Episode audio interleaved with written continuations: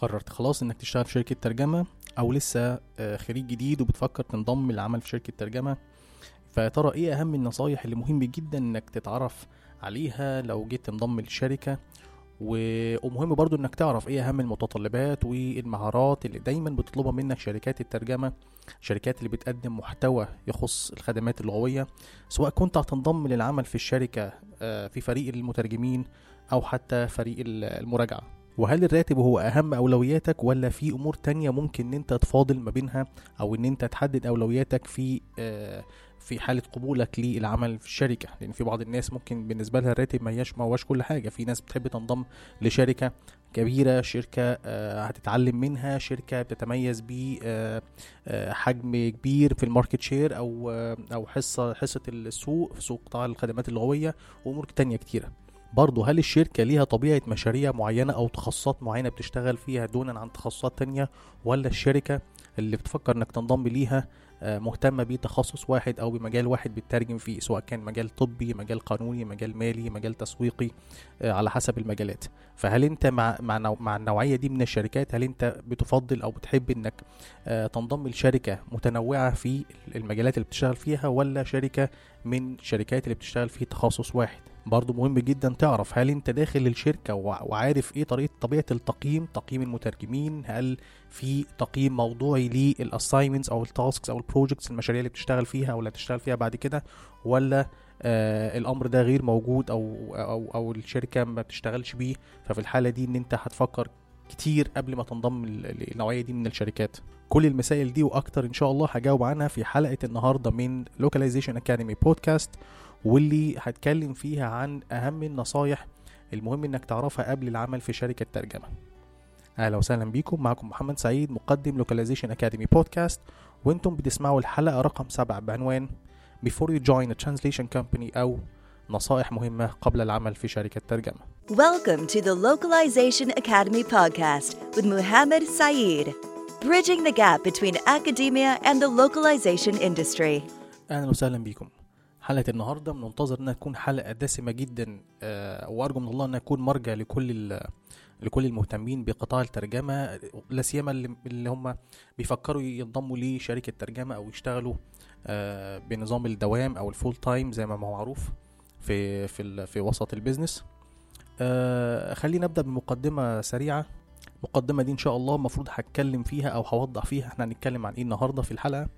آه الحلقة النهاردة إن شاء الله المفروض هتكون في مقدمة عن الفرق بين آه العمل في شركة الكور بيزنس بتاعها آه الترجمة مجال الترجمة ومجال تقديم الخدمات اللغوية والشركات اللي هي مش مش مجالها الأساسي الترجمة ولكن عندها قسم من أقسام آه من قسم من أقسامها بيقدم الخدمات اللغوية أو خدمات ال- الترجمة لأن في فرق كبير بين ال- النوع- النوعين من من ال business أو من طبيعة الشركات. بإذن الله هسلط الضوء النهاردة في حلقة النهاردة عن آه، عشر أمور والعشر أمور دول بي- بيشملوا أو بي من ضمنهم ال job description مفهوم المسمى المسمى الوظيفي في شركات الترجمة. وهتكلم برضو عن آه، الرواتب أو ال salaries هتكلم برضو عن المزايا اللي ممكن توفرها لك شركة الترجمة. ف... ففي الحالة دي لما انت لما انت تعرف بعض الشركات اللي ممكن توفر لك مزايا في الحالة دي انت ممكن تقدر تفاضل ما بين ال- ال- الرواتب وبين المزايا التانية اللي ممكن توفرها لك الشركة. آه برضو من ضمن الحاجات اللي هتكلم عنها ان شاء الله في حلقة النهاردة فرص التدريب. هل الشركة بتقدم تدريب ولا لأ؟ لأن في بعض الزملاء ممكن تفاضل ما بين الشركات عن طريق آه، مش بس الرواتب لا كمان عن طريق الفرص التدريب. لو هل الشركة ممكن تدربني على آه، حاجات أو بعض المهارات اللي ممكن تفيدني بعد كده في ال- ال- المسار المهني بتاعي ولا لأ؟ ال- النقطة اللي بعد كده أو النصيحة اللي بعد كده هتكلم عنها فرص الترقيات ال- السلم ال- الوظيفي. هل في فرص لل- للترقية في داخل الشركة ولا لأ؟ وبعد قد إيه؟ وهل هي معتمدة على آه، مهارات معينة أنا بكتسبها؟ أو آه، خبرات معينة أنا بحصلها أو أو أو بكتسبها؟ الأمور دي كلها هنتكلم عنها إن شاء الله في حلقة النهاردة وأسلط الضوء عليها. برضو من الحاجات اللي هتكلم عنها مفهوم ال operations أو طبيعة ال- آه، إدارة المشاريع الترجمة أو المهام الترجمة داخل الشركة. بنتكلم هنا internally مش بتكلم بشكل global يعني بتكلم إزاي المشاريع بتدار داخل الشركة وهل المترجم أصلا مهم إنه يسأل على حاجة زي كده أو يبقى عنده دراية عن حاجة زي كده؟ آه لأن ممكن طبيعة ال operations أو طبيعة شغل الشركة قد تناسب بعض الناس ولكن لا تناسب آه البعض الآخر. فمهم جدا هنسلط الضوء على المسألة دي. برضو من ضمن النصايح اللي هتكلم عنها طبيعة المشاريع. هل الشركة متخصصة في مجال واحد آه من مجالات الترجمة ولا آه الشركة في diversity أو في تنوع في المجالات اللي بتشتغل فيها. و... و... وإيه فايدة يعني كل حاجة من دي ليها م... ليها مزايا وليها عيوب على ال- المترجم اللي بيفكر طبعا إنه ينضم حديثا للشركة. آه برضو من ضمن النصائح اللي هسلط الضوء عليها مفهوم التقييم أو فكرة هل في assessment أو evaluation للمترجم داخل الشركة وهل هو objective evaluation ولا subjective evaluation آه وبرضو هسلط الضوء على مفهوم تضارب المصالح أو ال conflict of interest آه لأن ده نقطة مهمة جدا جدا آه في تعاملك مع الشركة. وهسلط الضوء أو هوضح تحديدا إيه المقصود بال conflict of interest إن شاء الله في حلقه النهارده. وأخيرا مفهوم مسألة توثيق الخبرات أو فكرة إن أنت how to document your expertise أو your experience. لو فكرت إن أنت تشوف آه، فرص تانية في شركة تانية أو في مكان تاني. You're listening to the Localization Academy podcast with Muhammad Saeed. ممكن جدا تنضم للعمل في شركة آه، شركة مش متخصصة في الخدمات اللغوية. وارد جدا إن تكون الشركة مثلا آه، ليها علاقة بالاستشارات ال- آه، الاستشارات القانونية والتدريب استشارات المالية والتدريب. شركة ما هياش متخصصة أصلا في الخدمات اللغوية ولكن بدل ما تبتدي تعمل outsourcing أو تبتدي تبعت الأمور ال documentation أو الوثائق أو المستندات اللي محتاجة إنها تترجمها تقوم تبعتها لشركه ترجمه فتقول لأ خلاص أنا آه هفتتح قسم عندي قسم معني بيه ترجمة آه، المحتوى اللي عندي. وابتدي اعين مترجمين أو ابتدي اعين مراجعين أو تيم أو فريق آه، معني بيه ال- الترجمة داخل القسم. آه، المشكلة هنا في في- مش مشكلة من ضمن المشاكل اللي ممكن تقابلني في النوعية دي من الشغل وهو آه، الخوف من عدم دراية ال- الشركة دي بالمعايير اللي اللي المترجم ممكن بيشتغل بيها. بمعنى إيه؟ بمعنى مثلا ممكن تلاقي شركة زي أنا كنت حديثي دلوقتي عن الشركة اللي هي غير متخصصة في تقديم الخدمات اللغويه مش فاهمة معايير ال- السوق ماشي إزاي مش فاهمة معايير ال- المهنة أو الستاندرز اللي ممكن ال- المترجم أو المراجع يمشي عليها فممكن تكلفه بمهام أكتر من المتعارف عليه دوليا مثلا. يعني ممكن تلاقي مثلا مترجم بدل ما مطلوب منه عدد معين من الكلمات يوميا لا بتكلفه بضعف عدد الكلمات ده. وممكن كمان أكتر ممكن ثلاث أضعاف ال- ال- الرقم ده يعني. آه، نفس الأمر بالنسبة للمراجعة. برضو بتبقى في مشكلة كبيرة ممكن الشركة ما تبقاش فاهمة آه، طبيعة التقييم. فممكن يبقى التقييم بنسبة كبيرة منه بيكون تقييم آه، ذاتي مثلا فكرة الف... يكون في subjective evaluation ما هواش objective evaluation.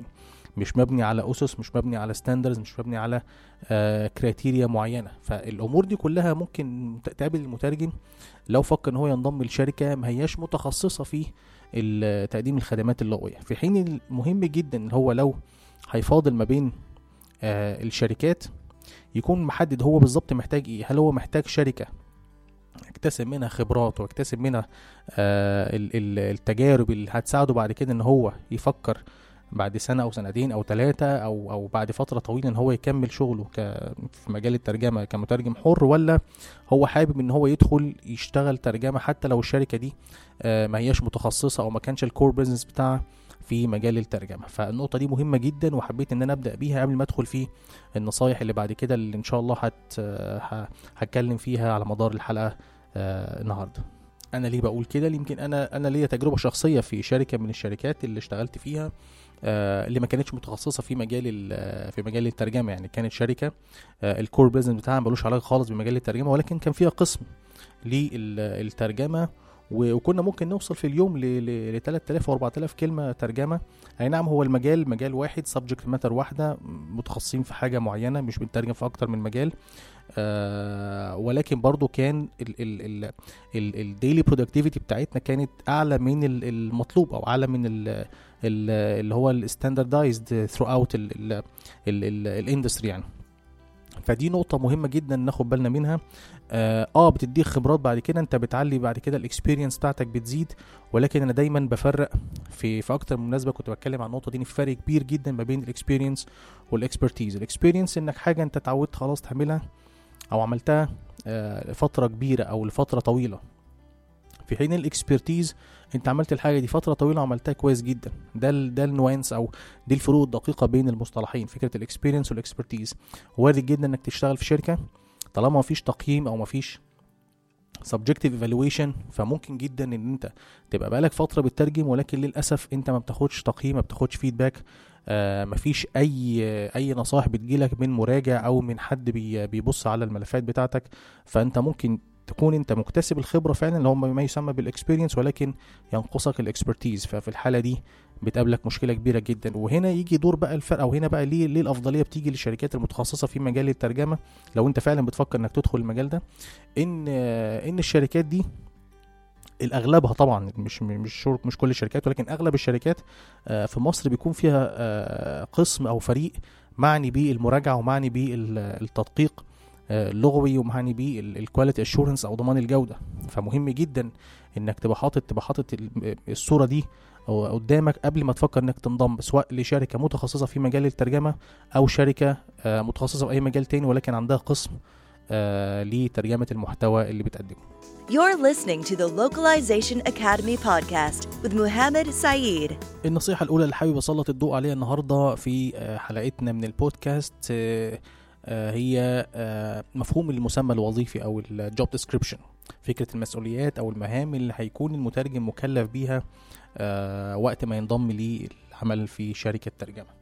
مهم جدا قبل ما تفكر إنك تنضم تبقى عارف تفاصيل المسمى آه، الوظيفي سواء كنت هتشتغل في قسم الترجمة أو هتشتغل مترجم أو مراجع أو مدقق لغوي أو أي آه، منصب ليه علاقة بتقديم الخدمات اللغوية في آه، في الشركة آه، اللي اللي هتنضم ليها. من ضمن النقط برضو اللي ممكن تشوفها في إعلان لشركة ترجمة آه، لما تكون الشركة بتتكلم عن المهارات الشخصية مثلا زي ما تيجي تقول لك آه، أنا محتاجة مثلا حد يكون بيشتغل تحت ضغط. مهارات آه، تواصل يكون عنده مهارات تواصل communication skills مهارات إدارية. آه، فالنقطة دي النقطة دي مهمة جدا في غاية الأهمية.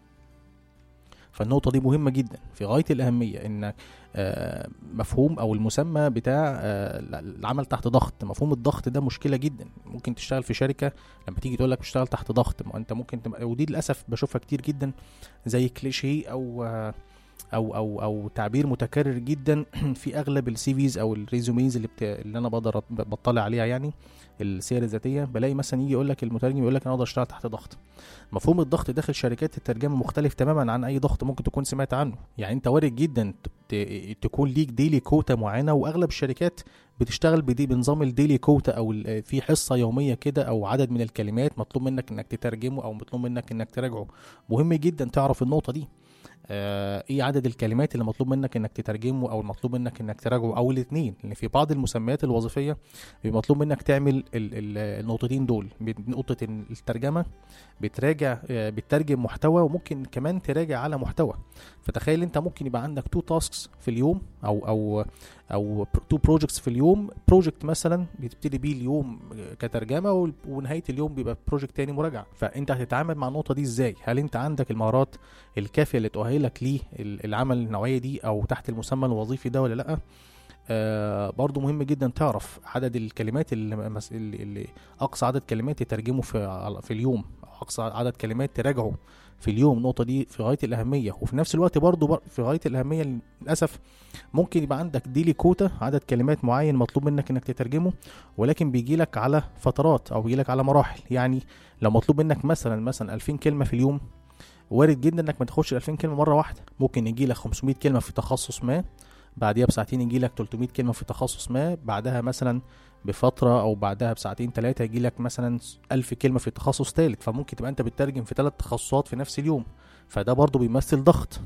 ده بيمثل ضغط على ال- المترجم.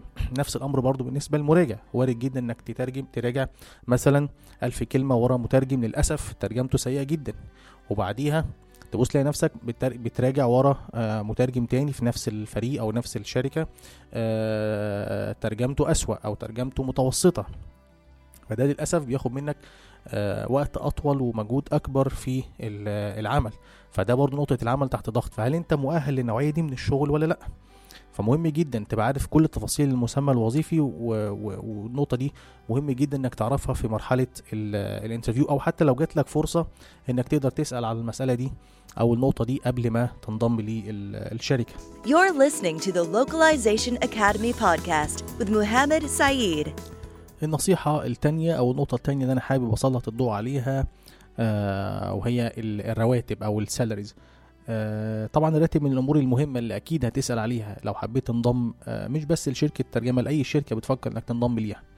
ولكن للأسف آه، صعب تلاقي آه، جهة رقابية أو هيئة بتضع ب- بتحدد salary scale أو salary range مثلا للمترجم في مصر تحديدا. الموضوع كله متوقف على أسعار السوق والمتعارف عليه آه، بين الشركات.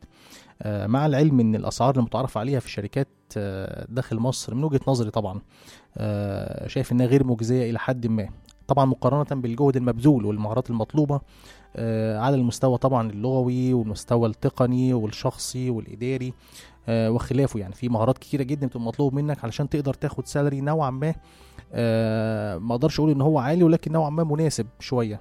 آه، برضه وارد جدا إنك تلاقي شركة شركة ترجمة في مصر آه، براتب المترجم مبتدئ فيها ممكن يو- يوصل ل 2500 جنيه. طبعا ده في وقت تسجيل الحلقة يعني ممكن أقل من كده كمان في شركة تانية. آه، وطبعا الأمر متوقف على حجم الشركة ووجودها في السوق وال- والحصه الحصة السوقية اللي واخداها ال market share اللي واخداها في قطاع تقديم الخدمات آه، اللغوية. في شركات تانية برضه ممكن تصادف إنك تتعامل معاها آه، شركات ترجمة تحديدا ولكن الشركة ممكن تكون بتدي آه، رواتب أعلى شوية مش أعلى بنسبة كبيرة أعلى شوية من آه، بقية الكومبيتيتورز أو بقية المنافسين في قطاع تقديم الخدمات اللغوية في مصر. ولكن ممكن تتعامل مع الموضوع بدهاء شوية آه، مع تغيرات السوق يعني آه، لا سيما طبعا بعد تعويم الجنيه وتغيير سعر الدولار. ممكن تلاقي مثلا شركة ترجمة مرتب المترجم فيها مثلا كان 3000 جنيه. ما يعادل بالدولار مثلا 340 دولار فتقوم الشركة تعلي الراتب بتاعه عشان تقدر تحافظ على الخبرات اللي عندها ويبقى الراتب مثلا 4500 جنيه. طبعا ملاحظين الفرق من 3000 ل 4500 جنيه. بنتكلم في فرق 1500 جنيه مثلا. في حين المفروض يكون 6000 لو بنتكلم بما يعادل الدولار في الوقت الحالي. ولكن طبعا قصاد الزيادة في الراتب ده بتعمل حركة تانية وهي إنها بتبتدي تعدل في الديلي كوتا بتبتدي تعدل في آه، حجم الترجمة أو حجم الشغل اللي المفروض المترجم أو المراجع بيعمله. فبيبدأ المترجم مثلا بيترجم 2500 كلمة بعد ما كان بيترجم 2000 كلمة أو مثلا بيراجع 4000 كلمة بعد ما كان بيراجع 3000 كلمة آه، قال- قبل طبعا زيادة ال- ال- السالري أو الراتب. فالشركة هنا فعليا ما عملتش أي حاجة ولا في زيادة في الراتب لأنها بكل بساطة زودت حجم شغلك اليومي مقابل الراتب. بالظبط كده ده اللي بيحصل ودي صيغة بتحايل بيها بعض بتتحايل بيها بعض الشركات على المترجمين داخل الشركة. على الرغم إن أغلب الشركات دي بتشتغل مع عملاء آه، من خارج مصر والعمله الأجنبية. طبيعي إن أي تغير في سعر العملة مش هيأثر سلبا في إيراداتها أو ال revenue stream زي ما إحنا بنسميه في ال business model canvas ولكن هل الرواتب هي كل شيء في في التعامل مع الشركات؟ يعني هل المترجم وهو داخل يتعامل يشتغل في شركة ترجمة؟ هل آه، يبص على الراتب ما يبصش على أي مزايا تانية؟ ولا ممكن في مزايا تانية تعوض الفرق السالري ده؟ أو مهم جدا المترجم بيحاول إن هو ياخد باله منها أو يسأل عليها قبل ما ينضم للشركة. بجانب طبعا نقطة الرواتب ودي النقطة اللي هتكلم عنها بعد كده النقطة رقم ثلاثة وهي المزايا اللي ممكن الشركة توفرها لك بجانب طبعا آه الراتب. You're listening to the Localization Academy podcast with Muhammad Saeed. النصيحة اللي بعد كده أو النقطة اللي بعد كده اللي أنا حابب أسلط الضوء عليها نقطة المزايا أو ال benefits اللي الشركة ممكن توفرها لك بعد كده. طبعا بخلاف طبعا ال salary. آه وجهة نظري شايف ودي نصيحة بنصح بيها الزملاء المترجمين هو ما تحاولش دايما إنك تبص لل salary على إنه النقطة الوحيدة أو الميزة الوحيدة اللي اللي مهم إنك تسأل عنها أو إنك آه، إنك تفاضل بينها وبين الشركات. طبعا في ناس بتحب ده طبعا ولكن أنا من وجهة نظري وطبعا كل واحد وليه طريقة التفكير أو ليه ال mindset بتاعته. آه لكن أنا شايف إن ممكن تكون في مزايا تانية تعوض نوعا ما طبعا تعوض الإيه ال- ال- الانخفاض في ال salary أو لو ال salary كان أقل من ال- ال- المتوقع بالنسبة لك. من ضمن المزايا دي طبعا هل أنت هتشتغل من الشركة ولا من البيت؟ في بعض الأحيان المسمى الوظيفي المترجم بيكون هو off-site translator زي ما بيسموه. يعني off-site translator يبقى أنت مترجم شغال بعقد مع الشركة في contract بينك وبين الشركة ولكن آه، بتشتغل من البيت. يعني بتشتغل remotely ولكن انت آه، دوام شغال مواعيد ليك مواعيد عمل 8 ساعات أو 9 ساعات حسب الشغل حسب المواعيد اللي انت متفق عليها مع الشركة ولكنك بتشتغل بالبيت. فالموضوع ده فيه قدر كبير جدا من المرونة لا سيما طبعا لو انت آه، مكان سكنك بعيد جدا عن مكان الشركة مثلا ساعة أو ساعتين في المواصلات فمنه هتوفر في الوقت وهتوفر طبعا في تكاليف ال- المواصلات وفي نفس الوقت في قدر كبير جدا من المرونة.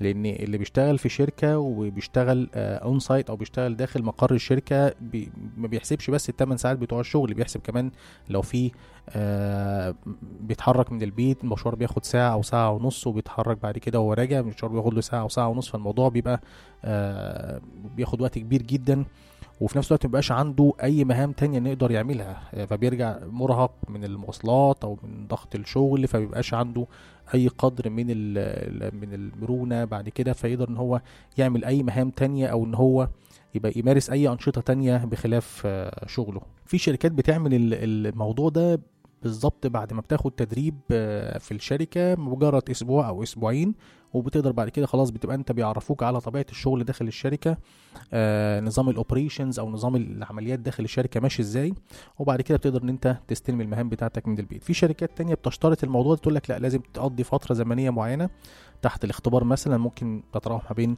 شهرين لثلاث شهور. في شركات ممكن تعمل الموضوع ده بعد ست شهور وتبتدي تقول لك خلاص أوكي مش تقدر إن أنت تشتغل من البيت.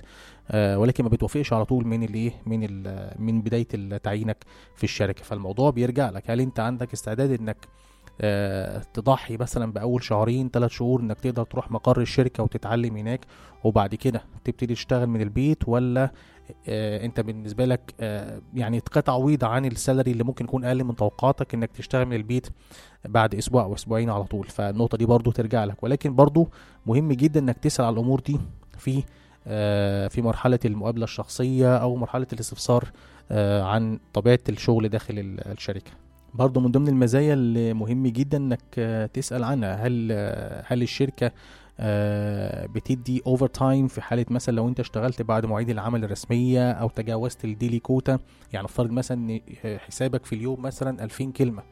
وجيت انت عملت 3000 كلمة أو تقدر تطلع 3000 كلمة أو 4000 كلمة آه، من غير مثلا أخطاء أو بأخطاء قليلة جدا فممكن ده برضو مبقاش ضغط عليك. فلو انت قدرت تعمل ده الشركة هتحاسبك إزاي على ال overtime ده أو الشغل الإضافي ده؟ نقطة برضو مهمة جدا مهم إنك تسأل عنها. وده ممكن في شركات كتيرة بيعوض تراجع ال salary أو ال- الراتب أو إن هو يكون دون توقعاتك فمهم جدا برضو إنك تسأل آه على الموضوع ده. طبعا والشركات في مصر بيتنوع طريقة حسابها لل overtime في شركات ممكن تحاسبك آه، بال overtime نفس ما بتح... زي ما بتحاسب ال- المترجم الحر أو ال freelance translator بحيث إنها مثلا لو عمل اللي أنت ليك daily quota معينة في اليوم وبعدين جيت بعد كده ترجمت آه، ألف كلمة. في الألف كلمة دول تحاسبك عليهم زي ما بتحاسب الشغل ده لو هتدي لي مترجم حر أو مترجم آه، freelancer في شركات تانية لا بيبقى ليها system معين أو نظام معين داخل الشركة. مهم إنك تعرفه ومهم إن أنت تشو- تشوف هل ده هيناسبك أو هيناسب ال revenue expectations بتاعتك أو توقعاتك بشأن الدخل ولا لأ. فالأمور دي برضو مهم إنك تعرفها مهم إنك تفاضل برضو تشوف هل ده هيناسب آه، توقعاتك مع ال salary ولا الأمور دي أو المزايا اللي الشركة ممكن توفرها لك هتبقى أقل من آه، توقعاتك؟ برضو من ضمن المزايا اللي ممكن تبقى مزايا لبعض ومزايا و- و- و- وتبقى مش ميزة للبعض الآخر يعني هل الش- الشركة ممكن توفر لمترجم مثلا جهاز كمبيوتر شخصي؟ سواء كان لابتوب مثلا أو جهاز PC في شركات بتعمل ده وفي شركات تانية ما بتوفرش حاجة زي كده. ولكن دي برضو نقطة مهمة.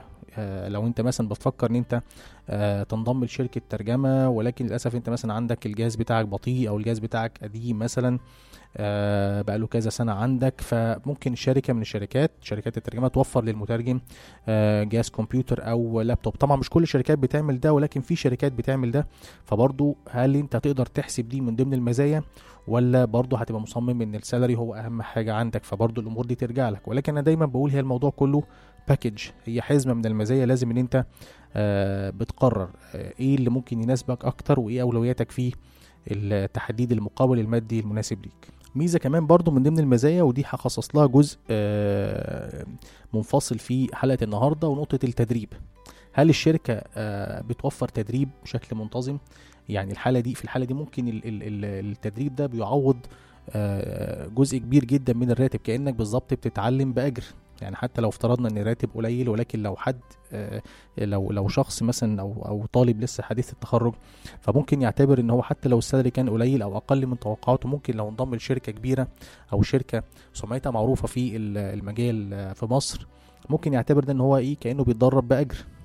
فالأمور دي مهمة جدا ودي طبعا بتختلف من عقلية للتانية أو من mindset للتاني. والنقطة دي في غاية الأهمية ومهم جدا المترجم يسأل عنها ودي اللي هخصص لها جزء في حلقة النهارده وهي فرص التدريب داخل آه، الشركة.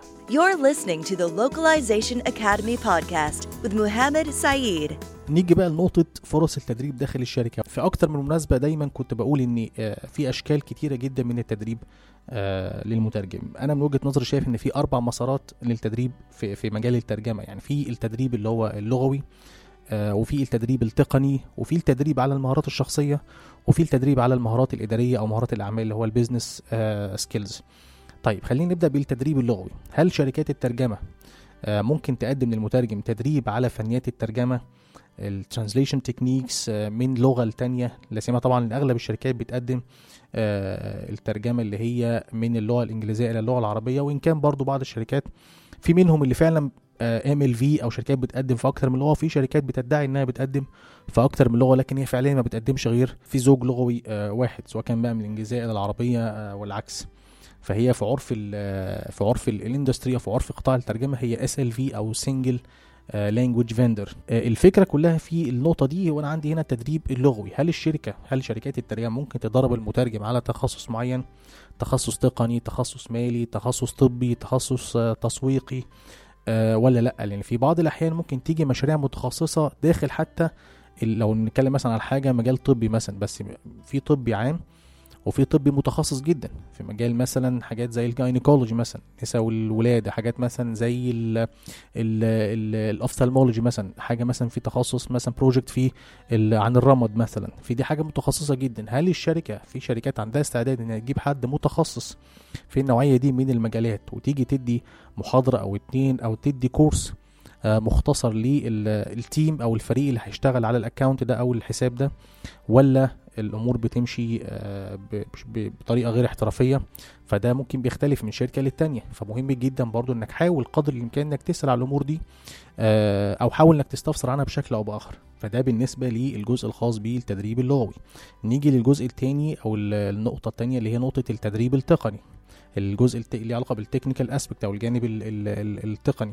طيب هل آه، طبعا أغلب الشركات آه، ممكن إنها تدي فرصة لتدريب المترجم على أدوات الترجمة بمساعدة ال- الكمبيوتر اللي ما يعرف اختصارا بال computer-aided translation tools أو ال CAT tools آه ولكن يبقى هنا سؤال بقى. هل الشركة هتجهز المترجم إن هو يبقى مستواه متقدم في في استخدام ال tool دي. أعتقد لأ لأن هو هي الفكرة كلها إن هو يبقى عارف هيشتغل إزاي على ال project. على project ما أو أو أو أو task معين. فالشركة مش أغلب الشركات مش هيبقى عندها ال ال ال ال الرفاهية دي إنها تقدر تجهز مترجم إن هو يبقى مستوى متقدم جدا في استخدام آه، وسيلة معينة أو أو برنامج معين أو منصة معينة. سواء كانت المنصة دي stand-alone يعني برنامج وبيتسطب أو بيتعمل له تثبيت على جهاز الكمبيوتر أو حتى بنظام الإيه التخزين السحابي أو ما يعرف به ال cloud-based tools. فأغلب المهارات المتقدمة سواء كانت في أدوات الترجمة بمساعده الكمبيوتر أو حتى مهارات متقدمة في استخدام برامج ال Office سواء كان Word Excel PowerPoint أعتقد إن ده هيبقى صعب جدا إن الشركة توفره ولكن ممكن التدريب ممكن يشمل التدريب ال- المستوى المبتدئ ويعني ممكن ب- بتروح من آه، قبل المتوسط أو المتوسط في من شركة لشركة على حسب طبعا حجم الشركة وطبيعة ال- المهام اللي الشركة آه، بتقدمها آه، المهام اللغوية طبعا أو مهام تقديم ال- تقديم الخدمات اللغوية. نيجي للجانب الثالث أو الشكل الثالث من أشكال التدريب وهو التدريب على المهارات الشخصية سواء كان إدارة الوقت أو إدارة المخاطر أو العمل تحت ضغط أو حتى ال team working أو العمل ال- الجماعي. آه، أعتقد إن في شركات ممكن تقدم حاجة زي كده وفي شركات تانية ممكن إنها هيبقى صعب إنها يبقى عندها من الرفاهية أو من الوقت إنها تقدم حاجة زي كده. فمن وجهة نظري شايف إن أغلب التركيز الشركات أغلب تركيز شركات الترجمة بيكون على الجانب الأول والجانب الثاني الجانب اللغوي والجانب التقني وإن كان الجانب التقني أكتر بكتير من الجانب اللغوي. آه، في شركات ممكن فعلا إنها تقدم ميزة ال- التدريب في تخصصات معينة آه، وفي شركات شركات تانية ما بيبقاش عندها الرفاهية دي زي ما قلت فمهم جدا إنك تعرف الجوانب دي. لكن بقى النقطة رقم أربعة اللي هي التدريب على المهارات الإدارية ومهارات ال- ال- الأعمال زي ال business skills فأعتقد إن ده ممكن يبقى صعب شوية ولكن ممكن يبقى متاح لو المترجم عنده فرصة إن هو يبقى فيه فرصة ترقية لمنصب إداري معين داخل الشركة. لا سيما لو المترجم ده قضى فترة طويلة في العمل داخل الشركة. فلو هو آه، على استعداد أو اللي هو خلاص قاب قوسين أو أدنى من الترقية لمنصب إداري فممكن الشركة توفر له حاجة زي كده. فبرضه مهم إنك طبعا هيبقى سابق الاوان إنك تسأل على حاجة زي كده في ال- المقابلة الشخصية أو إنك تستعلم عن حاجة زي كده. ولكن لازم برضه تبقى حاططها في حسبانك وأنت آه، بتفكر في فرص التدريب آه، داخل آه، الشركة. You're listening to the Localization Academy podcast with Muhammad Saeed. النصيحة اللي بعد كده النصيحة رقم خمسة أو النقطة رقم خمسة اللي حابب أسلط الضوء عليها النهاردة في حلقتنا من البودكاست. وهي فرص الترقيات أو مفهوم ال- المسمى السلم الوظيفي ال position hierarchy مهم جدا آه، تتعرف في الشركة على فرص الترقيات أو التدرج في آه، السلم الوظيفي آه، لا سيما لو الشركات حجمها كبير أو واخدة market share كبير حصة سوقية كبيرة جدا. طبعا تحديدا في مجال تقديم ال- الخدمات اللغوية أو شركات الترجمة. آه، طبعا لو أنت في بداية ال- ال- المسار المهني بتاعك لو أنت لسه حديث التخرج فوارد جدا إنك تتعين في الشركة تحت مسمى junior translator في بعض الشركات ممكن تعينك translator على طول أو مترجم وفي بعض الشركات ممكن تعينك آه، تحت مسمى junior translator وإن كان اختلاف المسميات ولكن الأهم من المسمى أو الأهم من ال title هو المسمى الوظيفي أو طبيعة المهام اللي أنت هتبقى مكلف بيها أو المسؤوليات اللي أنت هتقدر إن أنت تؤديها. يعني في شركات ما بتميز ما بين ال junior translator وال translator لكن بس هي الفكرة في طبيعة المهارات اللي عندك أو آه، آه، خبرتك في المجال. فغالبا ما بين الفرق ما بين ال junior translator وال translator يكاد يكون آه، مش مش واضح أو مش مش ملموس. لكن لما نيجي نميز ما بين title مثلا زي translator و senior translator senior translator أكيد طبعا هيبقى اقدم ممكن بقى على حسب طبيعة الشركات. في شركات ممكن بترقي بعد سنة بعد سنتين بعد ثلاث سنين آه، على حسب طبيعة الشركة. فمهم جدا إنك تسأل على الأمور دي. وهي وهل ال ال ال الترقيات دي بتبقى معتمدة على معايير آه، موضوعية في معايير محطوطة للأمور دي ولا الأمور بتمشي بطريقة أو بأخرى بشكل مختلف تماما؟ وأعتقد إن ده ما بيحصلش في الشركات الكبيرة يعني. فمهم جدا إنك تحاول تعرف ده بشكل أو بآخر.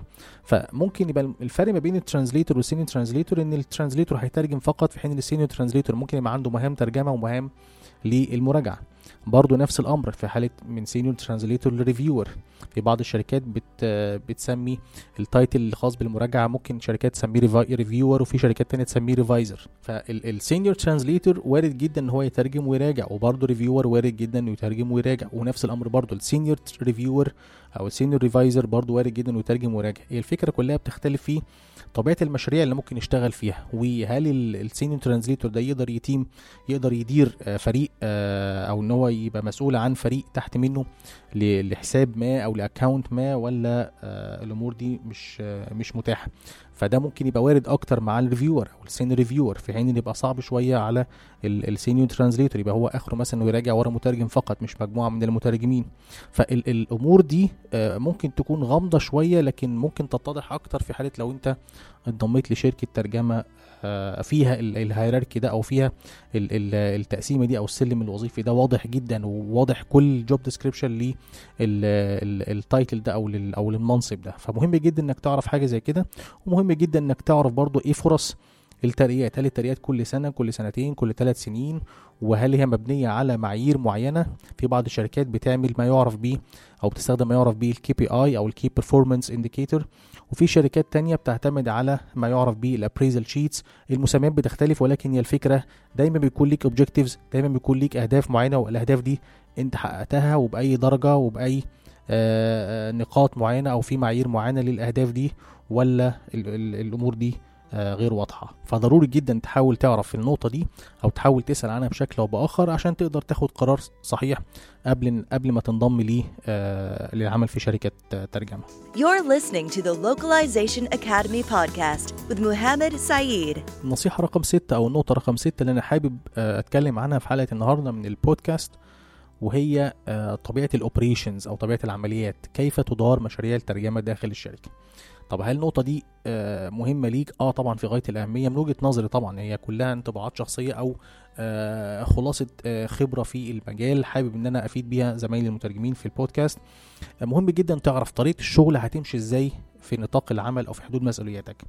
يعني مثلا لو أنت مترجم فقط هل استلامك للمشاريع هيكون عن طريق مدير مشاريع؟ في مدير مشاريع مسؤول عن إرسال الملفات؟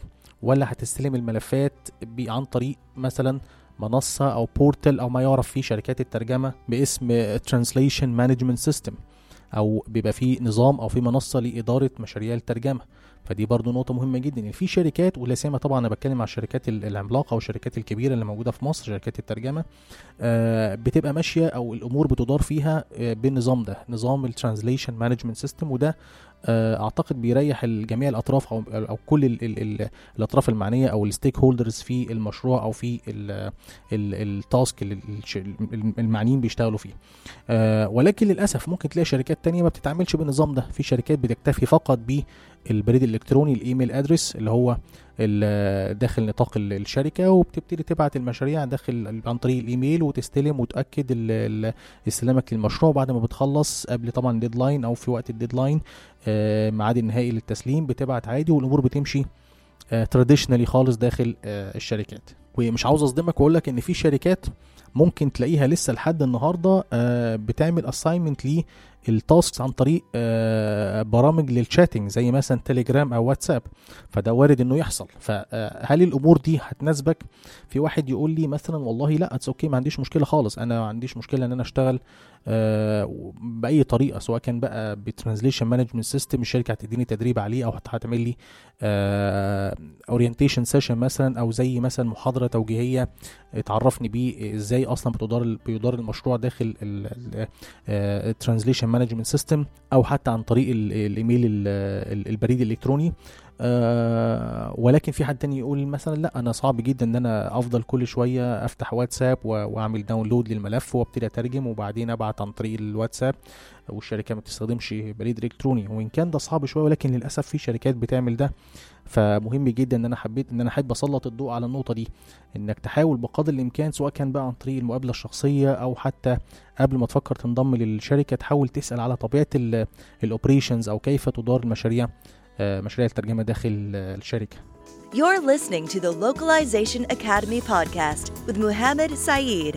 النصيحة رقم سبعة أو النقطة رقم سبعة اللي حابب أتكلم عنها في حلقة النهاردة من البودكاست وهي طبيعة المشاريع والتخصصات اللي اللي الشركة بتشتغل فيها بمعنى أدق في شركات بتبقى آه، متخصصة في subject matter آه، أو في آه، تخصص أو في مجال معين. ممكن تلاقي شركة قائمة بز- قائمة على تقديم الخدمات اللغوية في قطاع التر- الترجمة الطبية أو في قطاع الترجمة القانونية أو في قطاع الترجمة ال- المالية أو التسويقية وهكذا.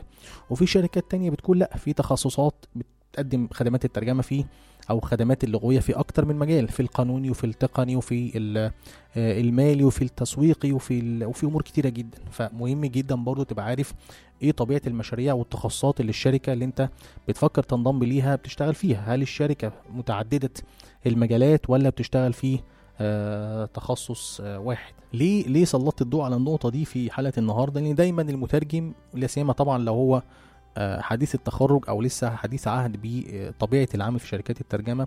دايما زي ما بسميها كده أو زي ما أنا بحاول أقولها آه، بيقعد دايما ما بين مطرقة ال productivity أو الإنتاجية وسندان التخصص. يعني هل أنت داي هل في مترجم يقول لك مثلا والله أنا ما أقدرش أترجم في تخصصات كتيرة جدا أنا ما أقدرش أشتغل غير في تخصص واحد. طيب ده بنسبة كبيرة مش هيناسب طبيعة العمل في الشركات شركات الترجمة يعني أقصد. آه ليه؟ لأن شركات الترجمة لا سيما طبعا الشركات اللي بتبقى بتشتغل في تنوع كبير جدا وفي diversity في ال subject matters أو في تنوع في المجالات اللي بتشتغل فيها فصعب جدا إنها آه تخصص آه أو تدي تخصص واحد لمترجم بعينه. لأ ممكن لو في ضغط شغل في تخصص ما مش هتقدر إنها تفاضل ما بين آه مترجم والتاني. ودايما ال- ال- الحجة اللي دايما بتتكلم بيها الشركات تيجي تقول والله لأ أنا عشان خاطر المترجم يقدر إن هو يتعود أو يقدر إن هو يكتسب خبرة في مجالات كبيرة جدا. في حين إن بره أو على الصعيد ال- الدولي. دايما في أو يمكن أنا قلت ده في أكتر من مناسبة حتى غير البودكاست. آه قلت دايما إن في فرق ما بين ال field of expertise وبين آه، أو مجال التخصص وبين ال working fields أو المجالات اللي المترجم بيشتغل فيها ويقدر يقدم فيها خدمات لغوية وبين ال fields of interest أو المجالات اللي هو مهتم يشتغل فيها. آه ويمكن التقسيمة دي دايما هنلاحظها على منصات آه كبيرة جدا ويمكن أشهر المنصات اللي بتتكلم عن النقطة دي منصة بروز واتكلمت عن حلقة في حلقة قبل كده من البودكاست عن آه، موقع بروز وإيه منصة بروز تقدروا تسمعوها وهحطها لكم إن شاء الله في آه، المصادر. فمجال التخصص ده أو ال field of expertise هو أكتر مجال المترجم قدم فيه شغل. و... وأنا وضحت في الحلقة النهارده الفرق ما بين ال experience وال expertise هو عنده من ال expertise وعنده من الخبرة العملية المثبتة ال documented الموثقة إن هو يقدر ي... آه، مش بس يقدم خدمة الترجمه لأ كمان يقدر يقدم خدمة المراجعة وخدمة التدقيق اللغوي. والمثلث ده متعارف عليه في في مجال ال- الترجمة أو في قطاع الترجمة باسم ال TEP أو ال translation editing proofreading فالمثلث ده مهم جدا. ده ممكن يتقدم تحت مسمى ال field of expertise لو واحد عنده ال- ال- ال- الخبرة العملية اللي تؤهله لحاجة زي كده فيقدر يقدم مش بس خدمة الترجمة لأ كمان خدمة المراجعة وخدمة آه، التدقيق آه، اللغوي. لكن بالنسبة لل working fields آه هو ممكن يكون متخصص مثلا في الترجمة الطبية آه، فيقدر يقدم مراجعة يقدر يقدم ترجمة يقدر يقدم تدقيق لغوي يقدر كمان يشتغل ك subject matter expert ودي واحدة من ال ال positions أو من المناصب أو من المهام اللي ممكن المترجم يقدمها. لا سيما لو هو بقاله فترة طويلة جدا بيترجم في تخصص معين.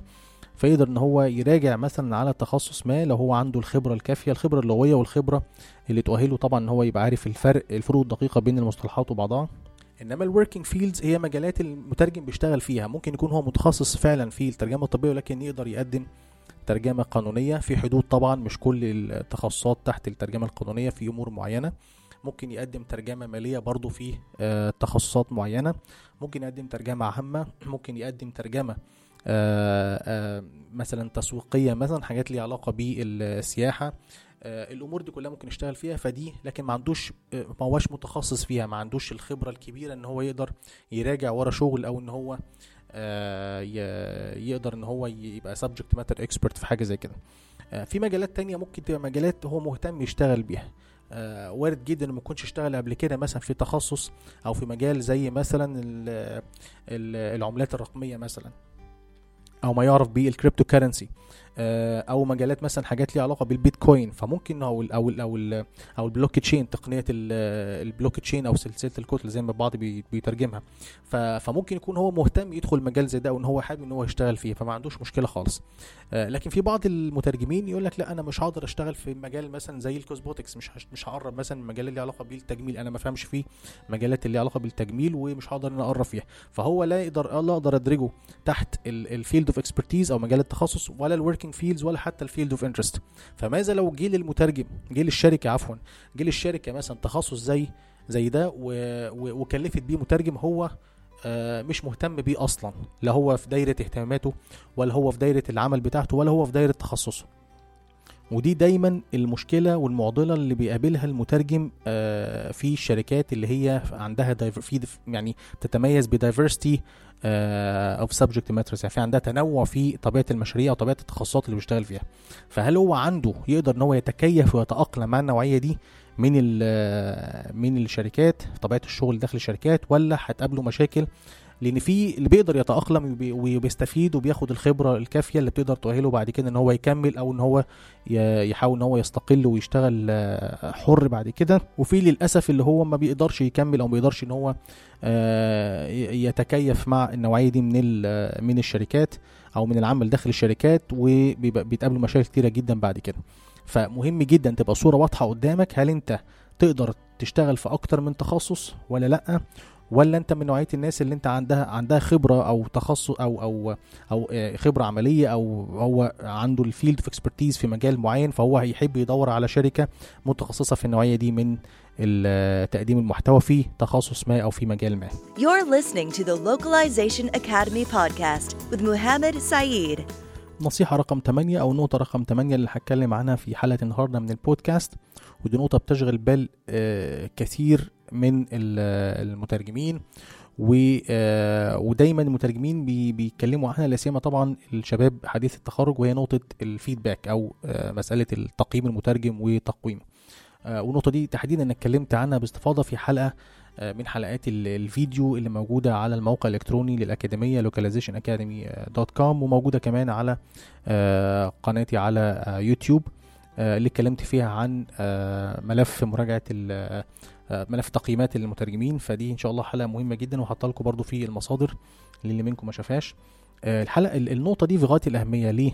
لأن دايما في مترجم بيشتكي ده بيقول مثلا والله أنا حتى لو خدت تدريب في شركة بأجر بسيط بس مهم جدا إن يجي لي feedback أو يجي لي آه تقييم على آه ترجمتي. أنا من وجهة نظري شايف إن في نوعين من التقييم. في تقييم subjective وفي تقييم objective في تقييم ذاتي وفي تقييم موضوعي. يعني إيه موضوعي يعني مبني على standards مبني على criteria مبني على rubric زي ما بنسموا كده أو في في قياسات معينة أو في معايير معينة أقدر إن أنا آه بناء عليها أقدر أحط أو آه، نقاط القوة ونقاط الضعف للمترجم. آه، في الشركات الكبيرة أو الشركات المعروفة في مصر آه، بت- بتطبق النوعية دي من التقييمات. بيبقى في ما يعرف بيه evaluation sheet أو ما يعرف بيه ال scorecard بيبقى ال scorecard ده متحدد فيه آه، تفاصيل كتيرة جدا ليها علاقة بنوعية الخطأ أو ال categorization of errors وفي كمان ال severity of errors أو آه، جسامة الخطأ نفسه. هل الخطأ ده minor ولا major ولا critical ولا preferential آه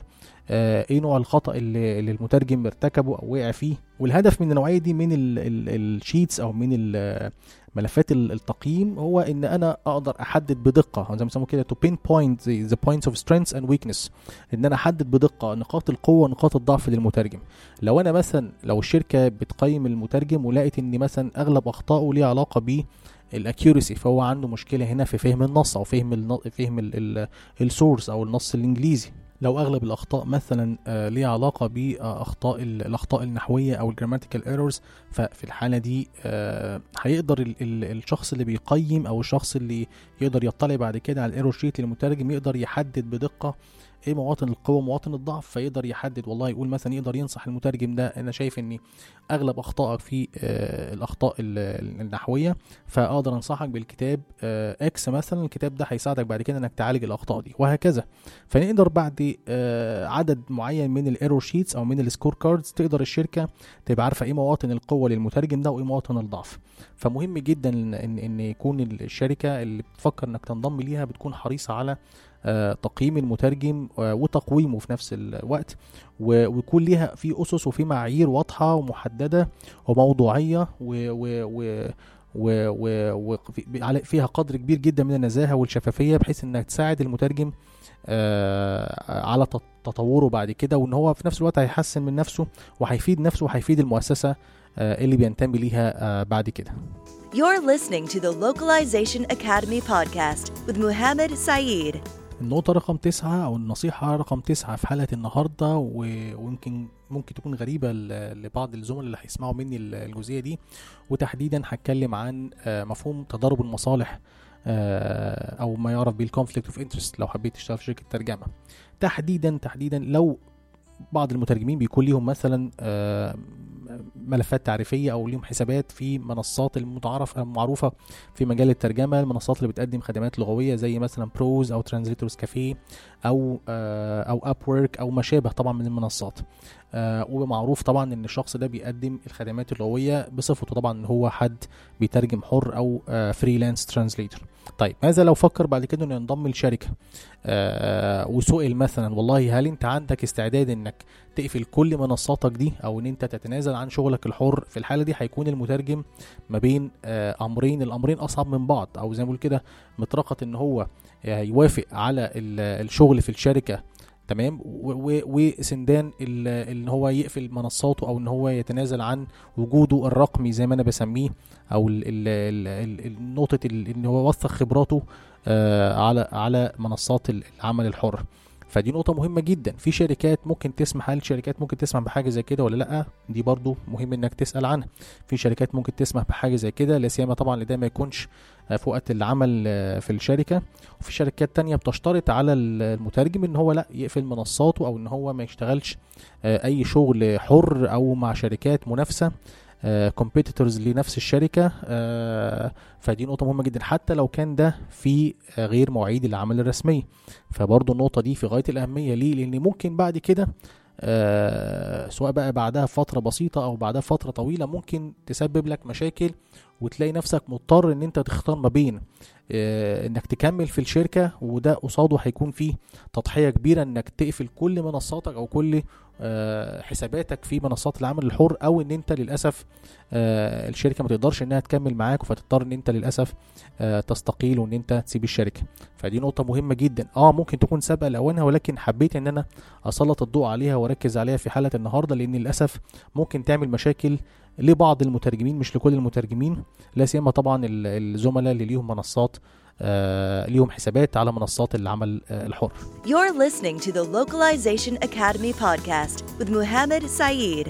نقطتنا الأخيرة في حلقة النهاردة آه من حلقات البودكاست آه وهي تتعلق بتوثيق الخبرات العملية لو فكرت طبعا أنت تستقيل من الشركة أو إن أنت خلاص قررت آه إن أنت تكمل في شركة تانية أو حتى لو قررت إن أنت تسيب ال corporate life آه أو حياة العمل داخل الشركات وتستقل وتشتغل آه في العمل الحر. مهم جدا تكون حريص من أول يوم ليك لانضمام للشركة إنك توثق خبراتك. خبراتك هنا أقصد بيها عدد الكلمات اللي أنت اشتغلتها سواء كانت ترجمة أو مراجعة أو في أي خدمة لغوية أنت قدمتها داخل الشركة وفي نفس الوقت توثق كمان طبيعة المشاريع اللي اشتغلتها. هل اشتغلت في مشاريع آه طبية فقط ولا اشتغلت في مشاريع طبية وقانونية؟ هل كان في دايفرستي في أو تنوع في الخدمات اللغوية اللي بتقدمها والتخصصات اللي انت اشتغلت فيها ولا تخصص واحد؟ فدي نقطة مهمة جدا. مهم جدا انك توثق عدد الكلمات لأن ده هينفعك بعد كده لو حبيت انك تقدم في شركة تانية أو حبيت إن انت تكمل آه مسارك المهني بعد كده آه مستقل. آه ومهم برضو إنك توثق عدد المشاريع اللي اشتغلتها. لو الشركة بتسمح بحاجة زي كده. في بعض الشركات ممكن بتحط لك تفاصيل طبيعة شغلك سواء كان عدد الكلمات أو عدد المشاريع في مستند واحد. وفي شركات ممكن تبقى حريصة ودي شركة شركات من الشركات المتعاونة يعني إنها ممكن تتعاون مع المترجم أو الموظف في الحالة دي إن هو إنها توثق له خبراته العملية اللي, اللي, اللي فات بيها الشركة واللي, واللي استفاد من الشركة بيها زي مثلا عدد الكلمات وعدد المشاريع ولو هو مثلا إدى آه دورات تدريبية داخل الشركة فمهم جدا برضو إنه يحاول يوثق الخبرات دي لأن أكيد بشكل أو بآخر هتدفعه بعد كده في آه في مساره المهني سواء حب يكمل في العمل الحر أو حتى حب إن هو ينضم لشركة ترجمة منافسة أو حتى لو شركة ممكن ما تكونش متخصصة في الخدمات اللغوية ولكن يكون عندها قسم من أقسام الترجمة لترجمة المحتوى اللي بتقدمه. طيب هل أنت هتقدر تحسب عدد الكلمات اللي أنت بتقدمها في شركات بيكون عندها ما يعرف بيه ال translation management system وإن شاء الله هبقى أخصص حلقة أتكلم فيها عن طبيعة انظمه إدارة المشاريع الترجمة بمختلف أنواعها طبعا ال translation management system ولكن في شركات زي ما قلت بيكون عندها translation management system بتقدر إن أنت من خلاله بتحسب عدد الكلمات ده بنهاية كل شهر أو بنهاية كل quarter كل ثلاث شهور وبنهاية كل ست شهور أو بنهايه حتى كل سنة. وفي شركات تانية ما بيبقاش عندها النوعية دي من ال translation management system فلو الشركة بتسمح أو بتقدر إن أنت بتطلع مثلا ما يعرف بيه productivity sheet أو أي بغض النظر عن المسميات أي ملف أو أي آه مستند بي بيوثق عدد الكلمات اللي انت عملتها في الشهر فده هتبقى حاجة كويسة جدا وهتريحك بعد كده بدل ما تعمل الموضوع ده manually أو أو أو يدوي بشكل يدوي يعني. فده أفضل ليك. لكن لو الشركة اللي بتشتغل فيها ما عندهاش رفاهية أو ما عندهاش ال facilities دي أو ما عندهاش ال systems دي فهتضطر للأسف إنك تعمل ده بشكل manual عن طريق مثلا Excel sheet وتقدر توثق في كل في كل sheet مثلا تقدر توثق عدد المشاريع اللي اشتغلتها سواء في شهر أو في في في على مدار على كل ربع سنة مثلا كل quarter أو كل حتى ست شهور أو even حتى كل سنة. وبنهاية ال ال ال السنة تقدر تحسب والله أنت عملت عدد كلمات قد كده عدد مشاريع قد كده وتقدر إن أنت تقدر توثق خبراتك. لو حابب إنك توثق خبراتك بعد كده وقت ما تكون أنت ماشي من الشركة مفيش مشكلة. لو حابب توثق خبراتك بعد فترة معينة فتقدر تسأل مسؤول قسم الموارد البشرية مثلا هل ده متاح ولا لأ؟ آه ودي نقطة مهمة جدا حتى في مسارك المهني عشان تقدر توثق آه خبراتك آه بعد كده. لو حبيت إنك تنضم لأي شركة ترجمه You're listening to the Localization Academy podcast with Muhammad Saeed. دي كانت حلقة النهاردة من البودكاست الحلقة رقم سبعة اللي اتكلمت فيها عن أهم النصايح المهم جدا المترجم آه ياخد بيها وقت ما يفكر إن هو ينضم لشركة ترجمة. اتكلمت فيها عن مفهوم المسمى الوظيفي اتكلمت فيها عن الرواتب اتكلمت فيها عن المزايا اللي ممكن الشركات الترجمة توفرها لك. برضو اتكلمت عن فرص التدريب وفرص ال- الترقيات. آه، طبيعة الاوبريشنز أو طبيعة المشاريع طبيعة العمليات كيف تدار مشاريع الترجمة داخل الشركات. آه، وبرضو اتكلمت عن طبيعة المشاريع والتخصصات اللي ممكن الشركة تشتغل فيها سواء كانت شركة متخصصة في مجال واحد أو في أكتر من مجال. برضو اتكلمت عن آه، مفهوم ال- ال- التقييم آه، تقييم المترجم وتقويمه داخل شركات الترجمة.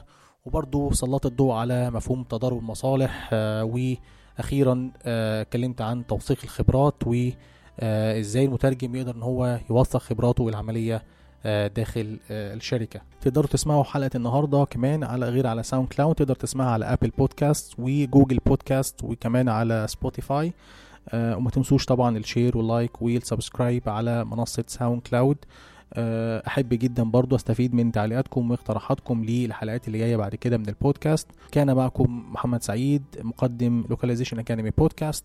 دمتم في رعاية الله وامنه وتحياتي.